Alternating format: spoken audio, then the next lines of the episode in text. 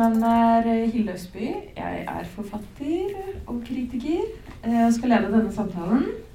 Og i, kveld, i dag, det er jo ikke kveld engang, eh, har vi med oss Marta Breen her. Eh, og Evgenia Nå snubler jeg på etternavnet ditt. Evgenia Vorobjova. Vorobjova. og Jenny Jordal, eh, som har laget de fantastiske tegningene i denne boka. Eh, som er en gjennomgang av eh, kvinnekampens historie fra 1840-tallet og eh, frem til i dag, egentlig. Mm. Og jeg må bare si at jeg kanskje er veldig lettrørt, men jeg begynner å gråte hele tiden uh, av de historiene her. For det er så sterke historier. Det er så mange som har ofret livet for at fire damer kan sitte her i dag og snakke om feminisme. Mm. Det kunne vi ikke gjort for to, 200 år siden, 150 år siden. Så ville dette vært helt utenkelig. At fire yrkeskvinner snakker om uh, ja, I offentligheten. I offentligheten om feminisme. Det hadde vært skandale. Så la oss uh, nyte det. Uh, og så må dere fortelle om hvordan kom dere på å lage denne boka.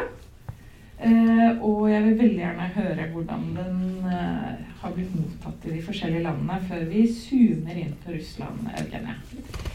Så Jenny og Martha vil fortelle litt om selve bokas tilblivelse og mottakelse i de forskjellige landene. For det er jo kjemperart å tenke på at uh, denne boka uh, har vært kontroversiell noe sted. Der jeg satt og hulket over den, så virket det utenkelig. men du starte med oss, kanskje? Mm. Først. Vi har jo jobba sammen lenge. Ja. Og det er jo en slags Lenge og lenge. Lenge. Fire år. Fire år. Mm. Lenge. Mm. Det føles lenge. Ja. Og kort. Ja.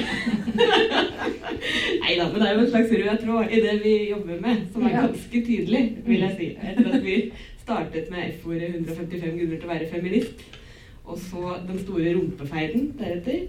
Eh, så det er rumper som er trødd? Nei. Ja, det er rumper som er trødd. Nei. Nei. Det, og så har vi jo laget en quizbok, Hva vet du om damer? For å sjekke hvor godt alle andre har lest de andre bøkene våre. Ja. Og så er det da, så var det jo da med 60 damer du skulle ha møtt, eh, som vi lagde rein tegneserie eh, første gang.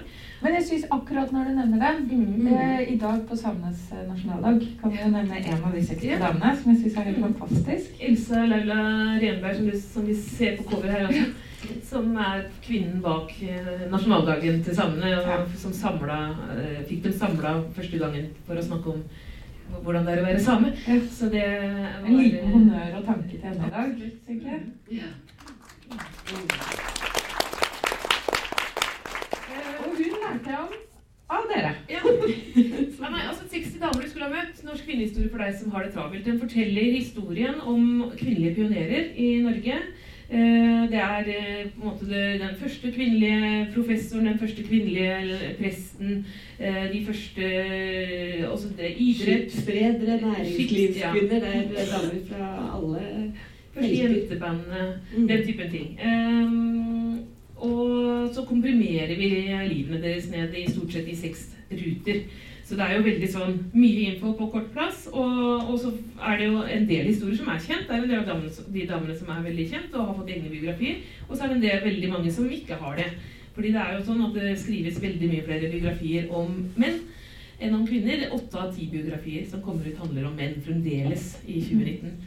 Vi håper jo kanskje på at denne boka kan inspirere noen til å skrive de lange biografiene som burde finnes. F.eks. Gina Krog, som gjorde en enorm eh, jobb for eh, stemmerett i Norge for kvinner, har ingen egen biografi ennå. Eller Oskar Hansen. Ingen egen biografi. Og det er bare en oljeplattform. Ja. Jeg veit det! Grusomt. Ja.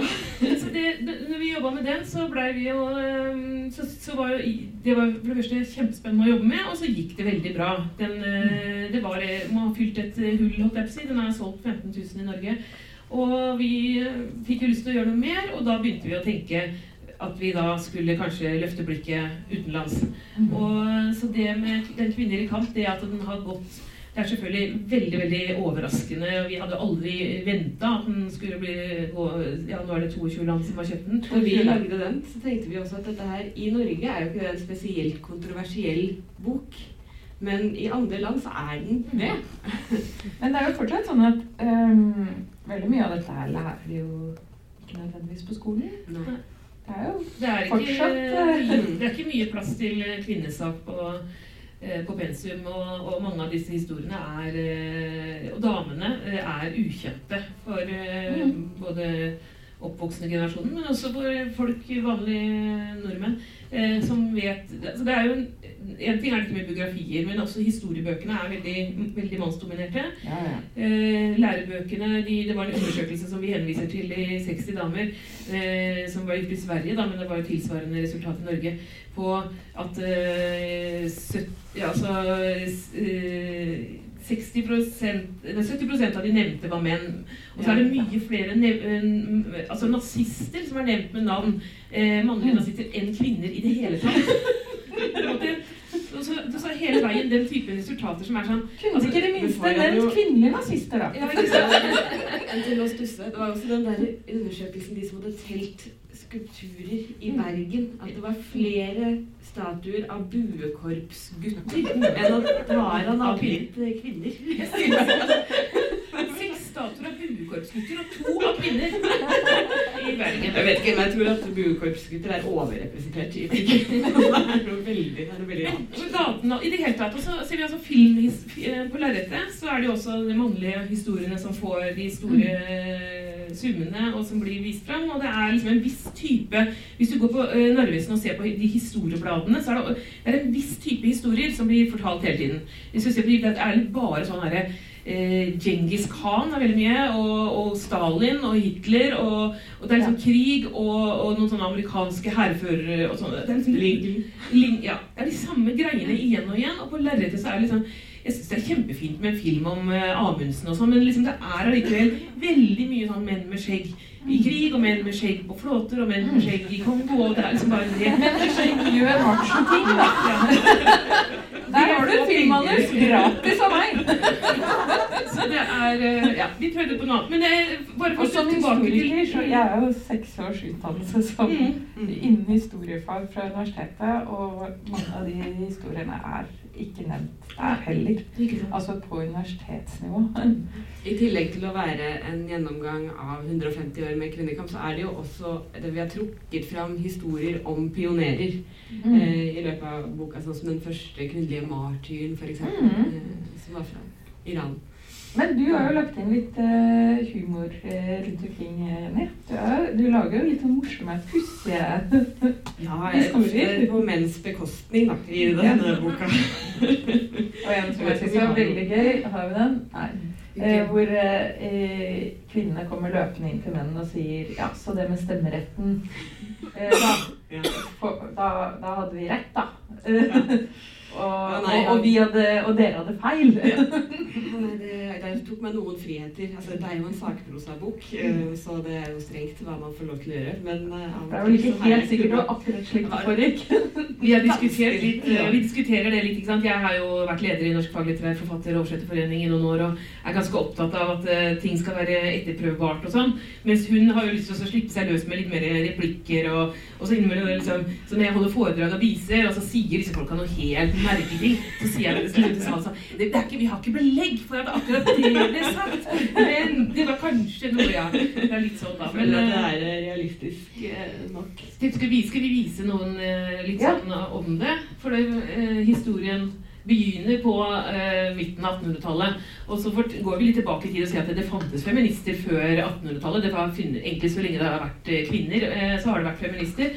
Og man har masse eksempler også fra middelalderen og Christine de Pizan og Hildegard van Bingen og 1700-tallsfeminister og sånn eh, i, i Frankrike. Men det var jo så- ikke en bevegelse, sånn som det etter hvert ble. Så vi konsentrerer oss om kvinnebevegelsen ikke sant, når den starta. Mm. Det er først når man begynner å prate sammen eh, og om et problem. At det kan skje noe, seg. Ikke sant? Mm. Så det er den eh, Så vi begynner med å fortelle at eh, når, hvis vi da går 150 år tilbake i tid, så levde jo kvinner og menn veldig forskjellige liv.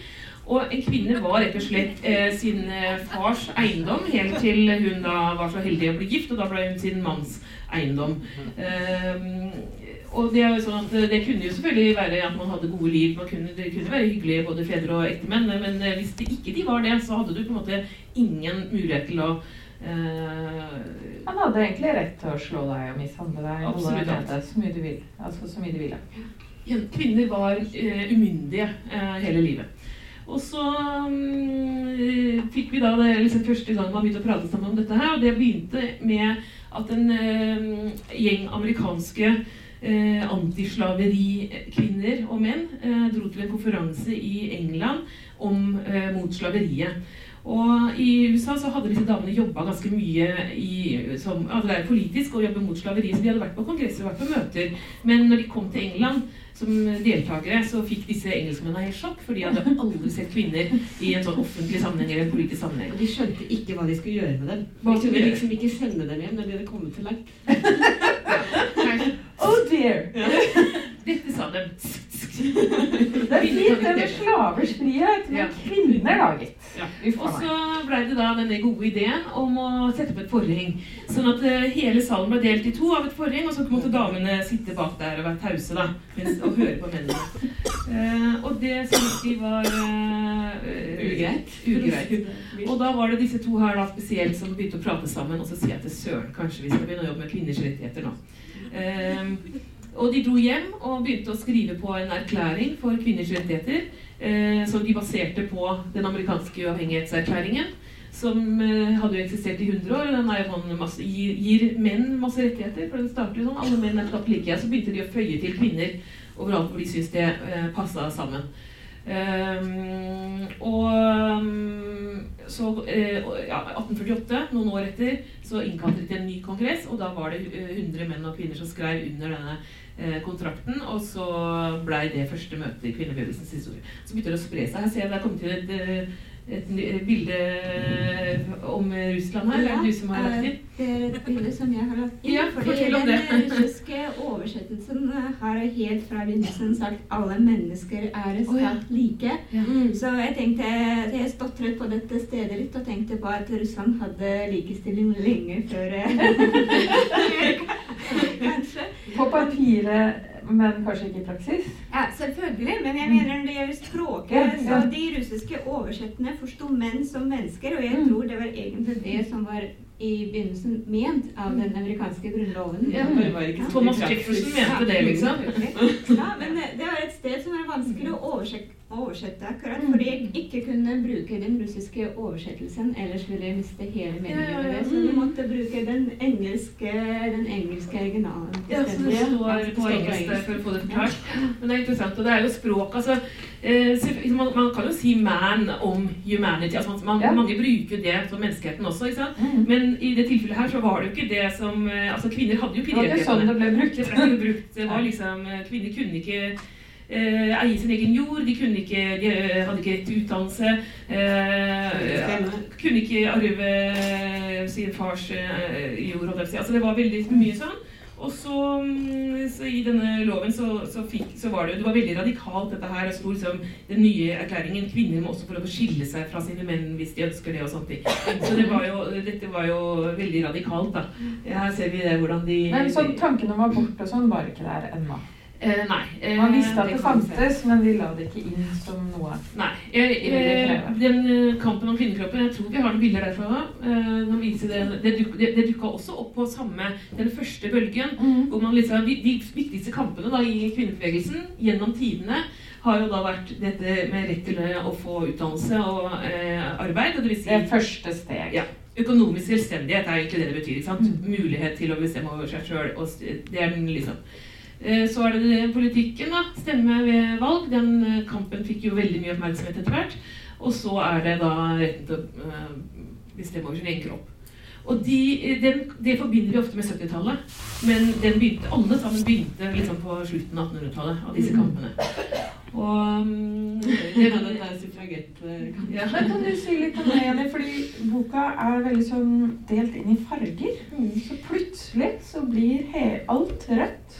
Ja. Det går fra blått til Suffragettene har fått eh, rødt. Nei, eh, Ja, så vi, har, vi har jo prøvd å bygge den opp relativt pedagogisk. Der vi prøver Det er et triks. Det er et triks. Det er et triks. Et illustratortriks. Ja. Fargekode.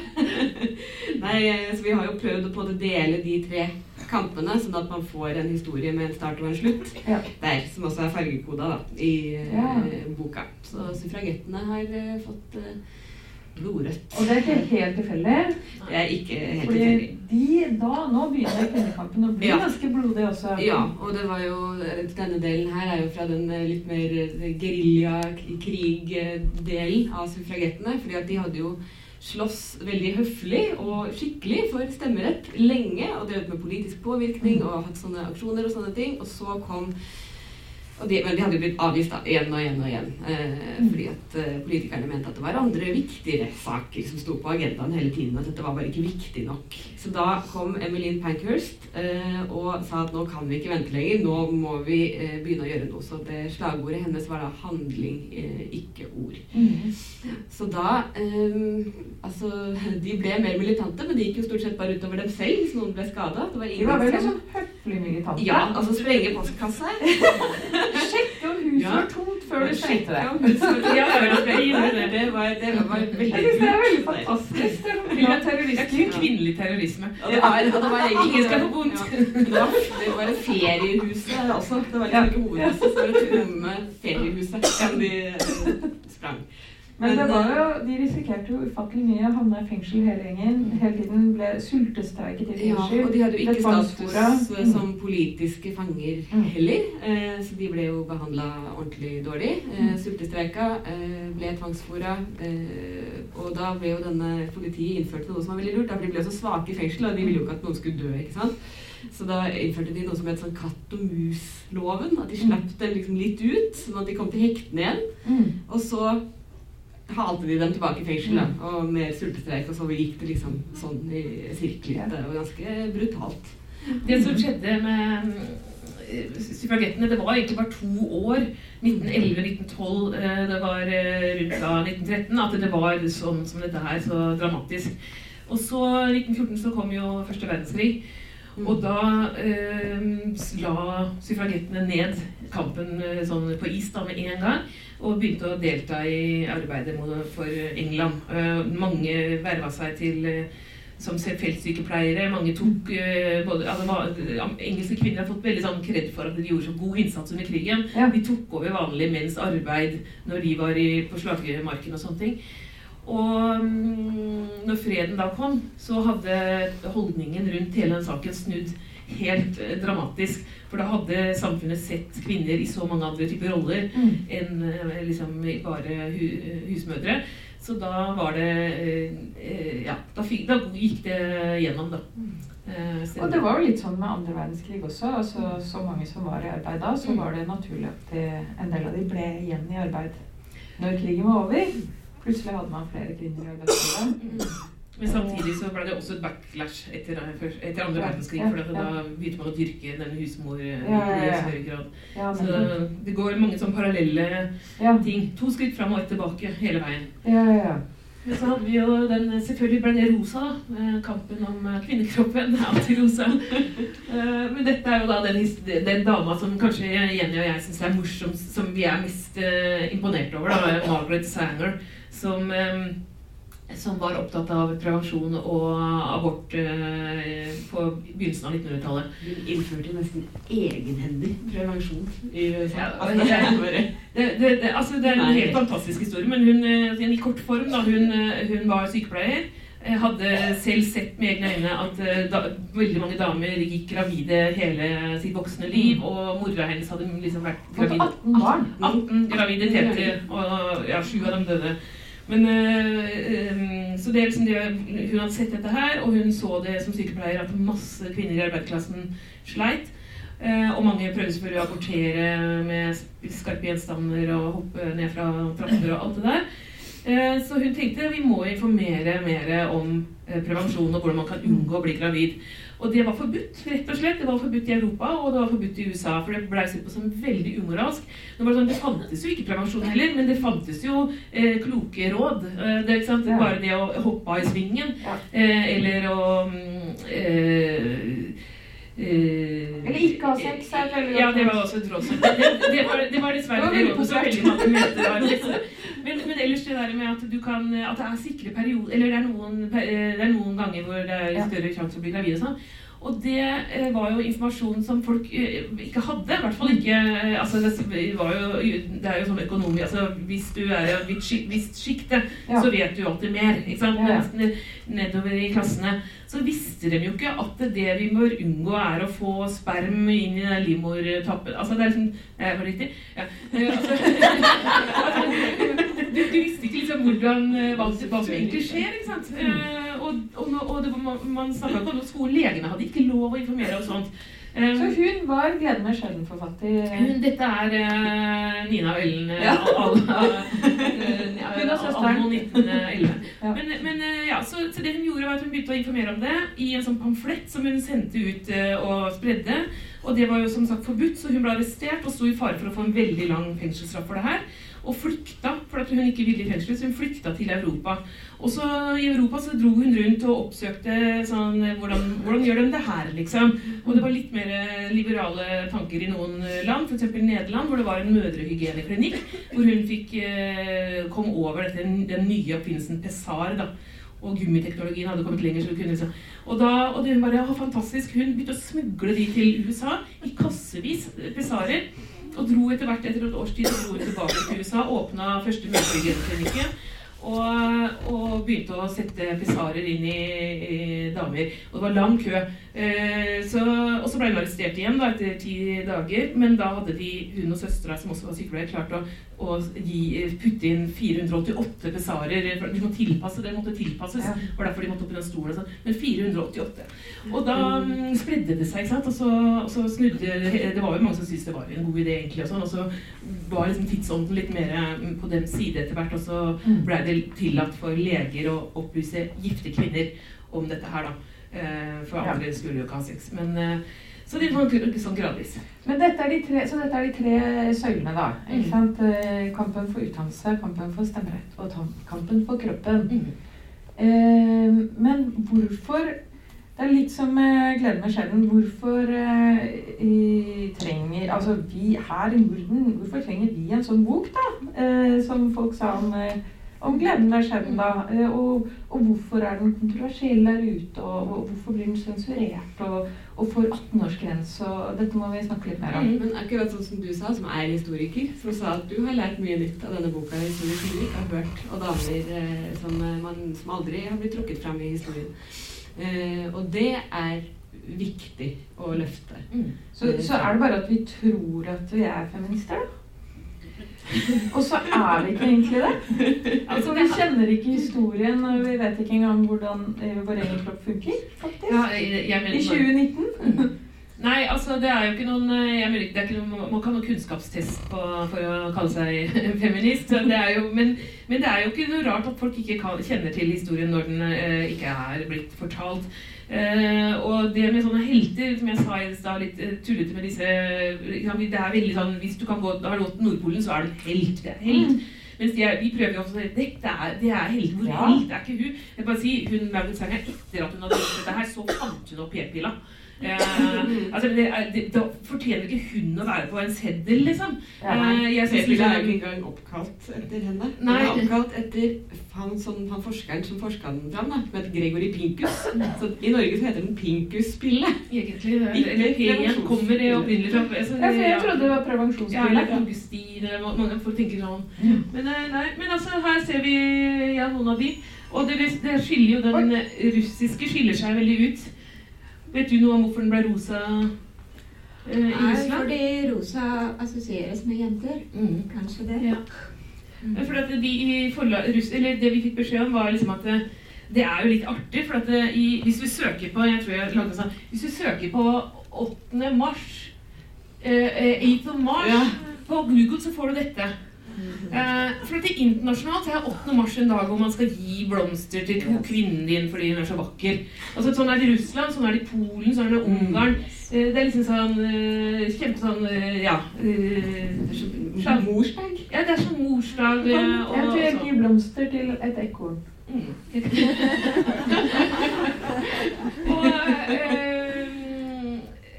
og det som eh, det russiske forlaget ga, liksom, sa, var vel at eh, man kan kanskje liksom lure noen til å tro at eh, Ja, gi den boka her til kona di. Altså, eller, eller litt humor, jeg vet ikke. Men det var litt det at, at den kulturen rundt det kvinnelige da er eh, veldig søtt og rosa, da. Men det synes jeg, jeg må bare spørre deg, Eugenia.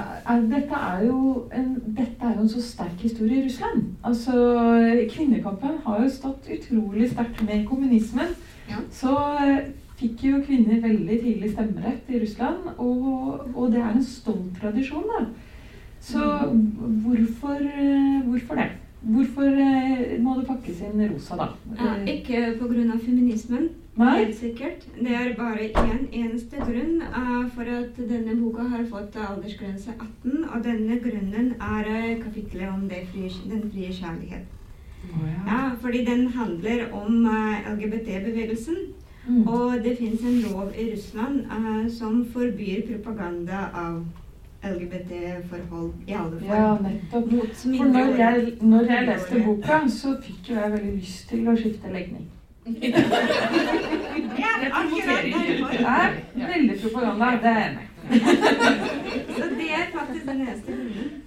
Nei da, men det, det, er, ja, det, er, det er jo de, vi, vi fikk jo først eh, to andre forlag på, som var interessert, og da, da var det sånn at ja, vi, kan, vi vil gi den ut, men vi må, men vi kan bare, vi må bare nappe ut det kapitlet. Mm. Uh, Det var jo uaktuelt for oss. Og vi bare, ja, det var jo, og vi, og vi tenkte liksom, på bare, å, Russland, vi syntes det var så kult å få tilbud fra Russland, vi hadde Ja. så lyst, men vi tenkte, men det går jo ikke det, vi kan ikke gjøre det, så vi bare, hvorfor det liksom? Eh, nei, og de kan rett og slett bli arrestert, de som det gir ut. egentlig ikke uaktuelt, det er veldig aktuelt for Russland. Fordi Russland har nesten ingen bøker om LGBT.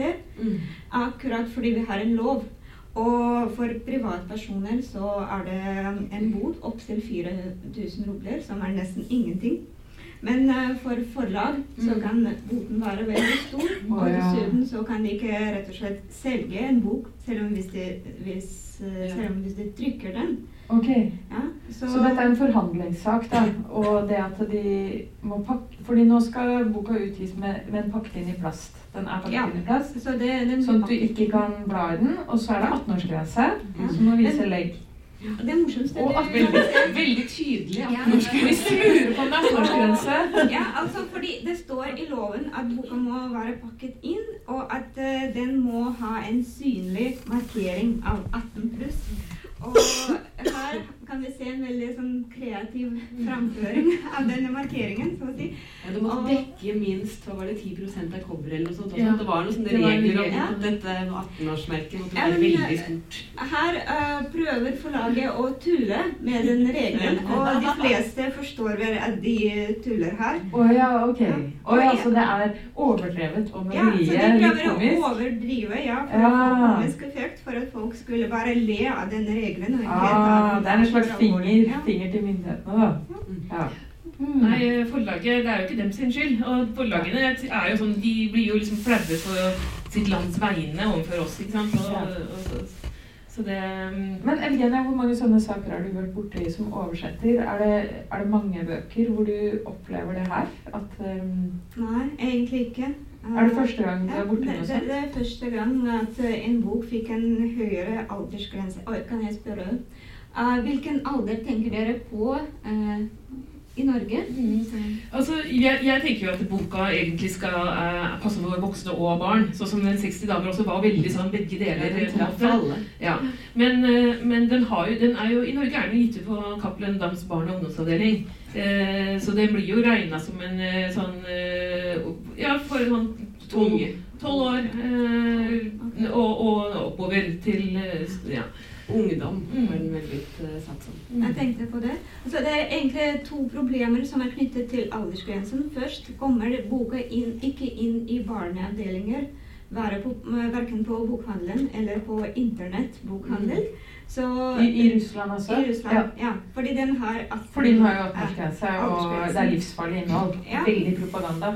Ja, så boka kommer i voksenavdelingen, Mm. og for voksne ser den altfor barnslig ut. Og ja, det påvirker salgene på en negativ måte, selvfølgelig. Mm. Og det andre var et problem med språket, fordi språket er ment for tolvårsbarn. Og hvis jeg oversetter for folk over 18, så må jeg liksom anvende et annet språk. Mm. Mm. Ja, så jeg kan ikke bruke samme språk for 12 år og for 18 år. Mm. Så, og hvis jeg prøver å oversette så nært den norske, den norske stilen som mulig, så blir språket veldig barnslig for 18 års mennesker. Så det er en del utfordringer som er knyttet til grensen. Ikke Mm. bare publikum, Mm. men også andre ting. Det blir spennende å se hvordan det går. Nå kan det hende at vi skal reise til eh, Russland i juni og snakke om, det. Propagandere. Men, Men, eh, også i USA så opplevde denne boka en type sensur. Kan du fortelle om det, Jenny? Ja, det er jo en, sånn, en helt komisk type sensur. Jeg tror vi har bilder av det. Har vi det? Ja, dette var noe annet. Litt sånn innimellom der. Ja, bare det er sånn vi Fight Club. Vi bare legger Ja. det sånn. Jo, her er det. Ja, det er kjempefint. Dette her er ja, Dette er på en måte avslutningen i kapittelet om, eh, om rett til å bestemme over egen kropp. Ja. Dette er 70-tallet, den Her seksuelle alle revolusjonen. Ja, alle har fått p-piller. Masse p-piller til alle. Alle har sex. Alt er gøy. Ja. Ikke sant? Um, og så jeg tegnet jo eh, masse fri kjærlighet og artige hippier og pupper og sånn. ja. Men det syns ikke USA noe om, for de er kjemperedde for brystvorter. Så sånn, Ja. sånn ser den ut i Den norske, så her, altså Vi gikk noen runder på det her at jeg foreslo at jeg kunne tegne mannlige brystvorter på alle damene, men det var ikke greit. Så da, men så da eh, Alt må være ja, tilrettelagt. men altså, det er jo på en måte noen kameler man må svelge, for jeg tenker at denne boka eh, det, er, går ikke utover historien, selv om, eh, selv om det Du ser at de, at det kommer til å skje ting Ja, her. bortsett fra nå har jo alle fått vest, da. Både menn og Ja. Det er litt lenger til det kommer til å skje Det er eh, skinnvest. eh. Tidlig stadium av orgien. Ja. Men det er, jeg syns det er merkelig med USA, som på en måte er pornoens eh, hovedstad, eh, som ikke tør å vise tegneseriebrystvorter. altså, Men de har en tradisjon for det? de har en tradisjon for det. eh, og de har faktisk, vært kjemperedde for tegneserier veldig lenge. At det er en helt sånn spesiell historie med USA og tegneserier. Fordi på 50-tallet så eh, var det en haug av folk som reagerte på at de trodde at ungdom ble kriminelle fordi at de så så mye vold og pupper i tegneserier. Og foreldre ble kjemperedde, og det var flere byer som arrangerte sånn tegneseriebål der hvor de brant tegneserier arrangert av liksom staten. Eh, og så var det også en forsker eh, som skrev en bok der Ja, det er ikke noe å le av, egentlig. Det er Nei, det er nesten litt sånn Nazi-Tyskland over det. altså. Altså, de var kjemperedde for tegneserier. En forsker skrev en bok eh, der hvor han skilte på tegneserier for, for at ungdommen Utukt, all Ja, all utukt, og at ungdommen ble kriminell og sånn. Så da startet opp en sånn organisasjon som het eh, Den het Comics Code Authority, den. Og det var fordi at man greide ikke å få solgt tegneserier fordi at folk trodde de var usømmelige. Så de måtte ha en godkjenning? Ja, så, denne, så De lagde en sånn godkjenning. da, så Hvis Ja. den gikk gjennom Comics Code Authority, da fikk den sånn merke, og da kjøpte foreldre det det til barna sine. Da var det trygt. Eh, så det betydde ikke noe pupper, eh, selvfølgelig, eh, og ikke noe vold. Eh, ikke homofil kjærlighet. Så det er altså grunnen til at USA Det er derfor Batman og Robin at det er veldig ikke det er veldig kontroversielt og veldig subtilt der. Ja, men det er grunnen til at tegneserier om homofil kjærlighet kom mye raskere frem i Europa enn i. USA. At der var det mer i undergrunnsmiljøet, da. Ja, ja. Og de, alle de store tegneserieforlagene var med i det her. Altså Marvel og DC og hele gjengen. Så da sendte de tegneseriene sine inn. ikke sant? Og så eh, var det masse som ble sensurert, og så var det noen som kom igjennom og fikk det der merket. Altså, Så det var masse tegneserier som gikk konk pga. det. Men det som er rart, er at det her var den, de Reglene har blitt forandra en del, da, oppdatert. Men de siste som meldte seg ut, det tror jeg var DC i 2011. Det er ganske nært opp i tid. Og Det såpass er- snart at de syns det var Ja, helt greit ja, å be deg om å Ja, gjøre så det virker ja, at de har en De, Du bare lurer på om det her henger veldig igjen i Ja, det spesielle tegneserier. Men tar det, det tar jo mange generasjoner å endre holdninger. Alle holdninger om at kvinner kan utøve vitenskap eller skrive bøker. Ja. Bare det vil jo ta Men det går, det som jeg sa i stad, det går litt sånn eh, jevnt over. eh, For vi avslutter boka sånn optimistisk. med at det, eh, Ja, det er mange tilbakeslag. Det er masse som går dårlig nå. liksom. Det er fremdeles liksom millioner av jenter som blir gifta bort som unger. og det, I Russland går det bakover, i Polen går det bakover. I Brasil Det er liksom den derre fascinasjonen for sterke som patriarkalske, patriarkalske ledere som er veldig Som har medvind nå. ikke sant? At det, er, eh, det går utover kvinners rettigheter, det går utover eh, homofile, lesbiske og eh, det er, ja.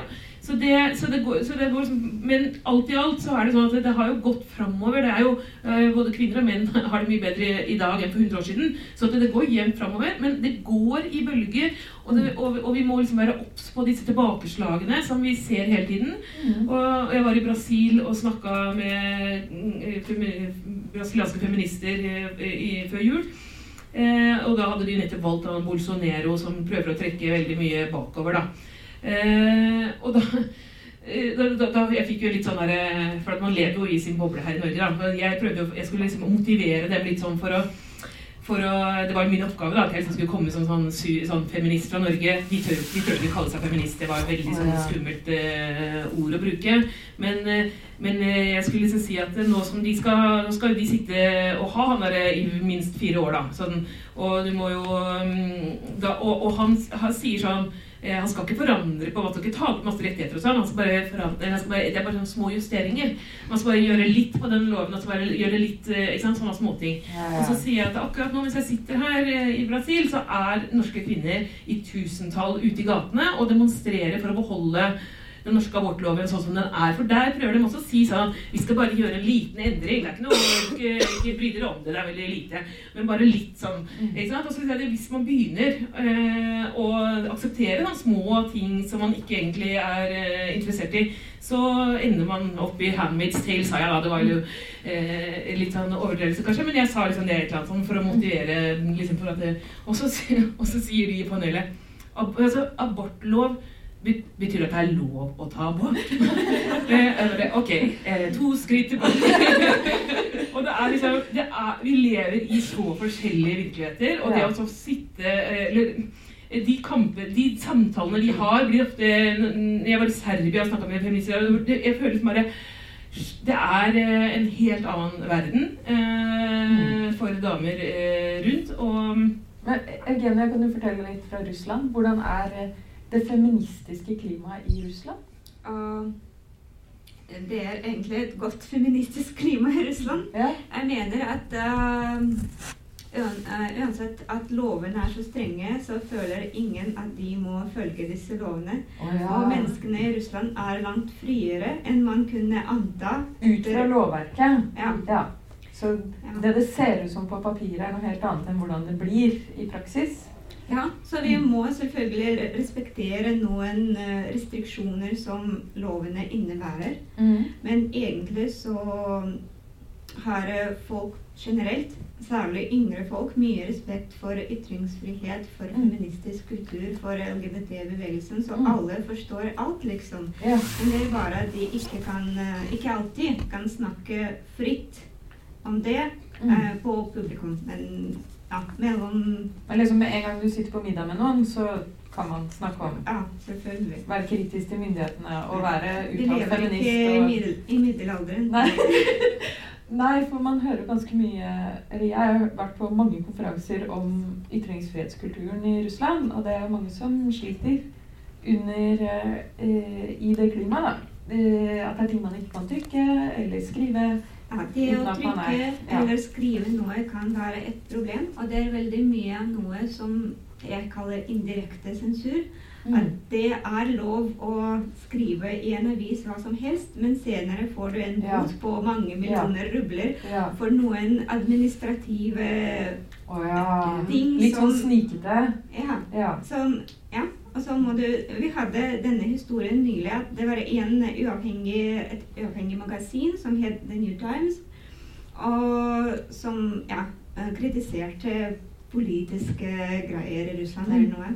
Altså, De fikk ikke bot for det de har skrevet, Ah. men eh, for noen eh, Jeg vet ikke, de har kanskje har vært i strid med noen, noen regler for Ja. at de skulle registrere de har finansiering fra utlandet. Ja, nettopp noen kjedelige byråkratiske greier. Ja. byråkratiske greier som fikk Mm. denne boten. Og de kunne ikke betale det selv, men saken er at summen ble samlet av lesere. Ja. Slik at leserne reddet dette magasinet ja, fra å gå, gå konkurs. Og så magasinet fortsatte som det var. Til neste bok, kanskje. Jeg vet ikke. Så boka til Martha og Jenny er ikke sånn kjempekontroversiell. For en jevnt opplyst intellektuell eh, russer, så vil ikke det som står Det være er ingen skandale i innholdet. Det er bare at vi må respektere reglene for ikke å få bot eller noe sånt. Men Mm. ellers så kan vi gi den ut. Men ja. mm. Det blir vanskeligere å nå til den riktige leseren Ja. med den aldersgrensen. Ja. Ja. Men Martha og Jenny, hva er neste prosjekt? For dere jobber jo på neste prosjekt. Mhm. Ja, vi stopper jo aldri. Vi har eh, lyst til å skrive mm, en felles bok og, som også hvor vi tenker litt sånn internasjonalt. Da. Eh, som den har arbeidstittelen 'Manneblikket'. Eh, som, altså, the male gaze er jo sånn feministisk uttrykk eh, om eh, hvordan kvinner eh, har blitt betraktet eh, i opp Til objekter. Ja, i veldig stor grad. Og, og det har jo vært gjennom historien. Jeg, jeg gjorde et søk på ordet kvinnesyn. Jeg liker ikke ordet kvinnesyn. At Man snakker veldig ofte når man leser historie Kvinnesynet har gått opp og ned. og Mm. og liksom noen, noen perioder har det vært veldig dårlig kvinnesyn. Altså noen menn kan få som berøm. Ja, han hadde et positivt kvinnesyn. Bare kudos, veldig bra. positivt kvinnesyn. Men, men så er det liksom så altså Hvis du ser på mann, mannesyn eller mannssyn, så får du liksom fem treff i Google, og da er det liksom en million. Så det er liksom hele tiden altså synet på kvinnen som forhandles om, og som liksom eh, Mens synet på mannen er liksom bare det er stabilt. Og det er jo så provoserende. Man går, begynner å gå inn i det. Jeg skal begynne med mannssyn, kjenner jeg. ja, altså, Positivt eller negativt? Vaklende jeg, altså, så akkurat dette her eh, hvor, eh, Gå inn i det og, og fortelle morsomme historier. Og, og, og et av de kapitlene skal handle om synet på kvinnekroppen da, og de tingene som Altså den eh, vitenskap på ville veier. Eh, som liksom Og så er det jo masse gøy i kunsten, da. For det er jo først, først mest av alt nakne damer i kunsten. Det er jo Ja. sjelden Nei, ja, at menn blir fremstilt på den måten. Da. Opp gjennom, eh, opp gjennom tidene så var det jo liksom eh, menn som, eh, kunne, som fikk være kunstnere. Alle akademiene var jo stengt for kvinner. Det samme med liksom, eh, viten, altså, Det har jo vært menn som har styrt dette hele tiden, og da har de eh, betraktet kvinnen, da. Eh, F.eks. Eh, med å male henne sånn, eller med å å eh, fremstille kvinner på sin måte. Og så har det vært veldig liten nysgjerrighet, og det er det som jeg på en måte kan bli så provosert av noen ganger. For det er ofte menn de som har sagt de dummeste ting om damer og framstilt noen rare teorier som er helt borti natta feil. Det har jo vært oppegående menn. Det har jo vært menn som har drevet vitenskap og kunst framover, og som har gjort ma- altså, Og så har det vært så utrolig lite eh, nøyaktige eller interesserte eller eh, engasjerte når det gjelder kvinner. Er liksom Men de har skrevet masse, da. Sånn som han der Plinius den eldre, som Ja. også har laget tegneserie om, som laget et sånt svært eh, verk eh, om liksom tidenes mansplainer. Ja, eh, men eh, fakta om eh, hele naturen, da. Men han var jo det. Han, han mente jo han hadde et svært kapittel om mensen, som bare handla om at eh, insekter ville dette av greinene hvis en dame med mensen gikk under treet. han kan jo ikke ha møtt en dame med mensen i sitt liv. Han var jo singel. eh, Han var, ja, han eh, var faktisk eh, Han gifta seg aldri. Men, nei, men altså, sånt, det å le det, Vårt prosjekt er liksom det å le av patriarkatet. For eh, patriarkatet liker ikke å bli ledd av. Liksom alle, de som tar seg selv høytidelig og liksom, liksom og, ja, kulturmenn og Det å le, le av folk som tar seg selv seriøst, er veldig gøy. Eh, så det er på en måte en del av det nye prosjektet. Ja. Mm. Så utrolig gøy. Det gleder jeg meg til. Eugenia, da får du mer å oversette. Får vi håpe. Får vi håpe. Vi skal le av Putin. Jeg kan oversette, men jeg kan ikke garantere at det blir utgitt. Tusen takk for eh, en veldig hyggelig samtale. Tusen takk. Takk for alle som kom.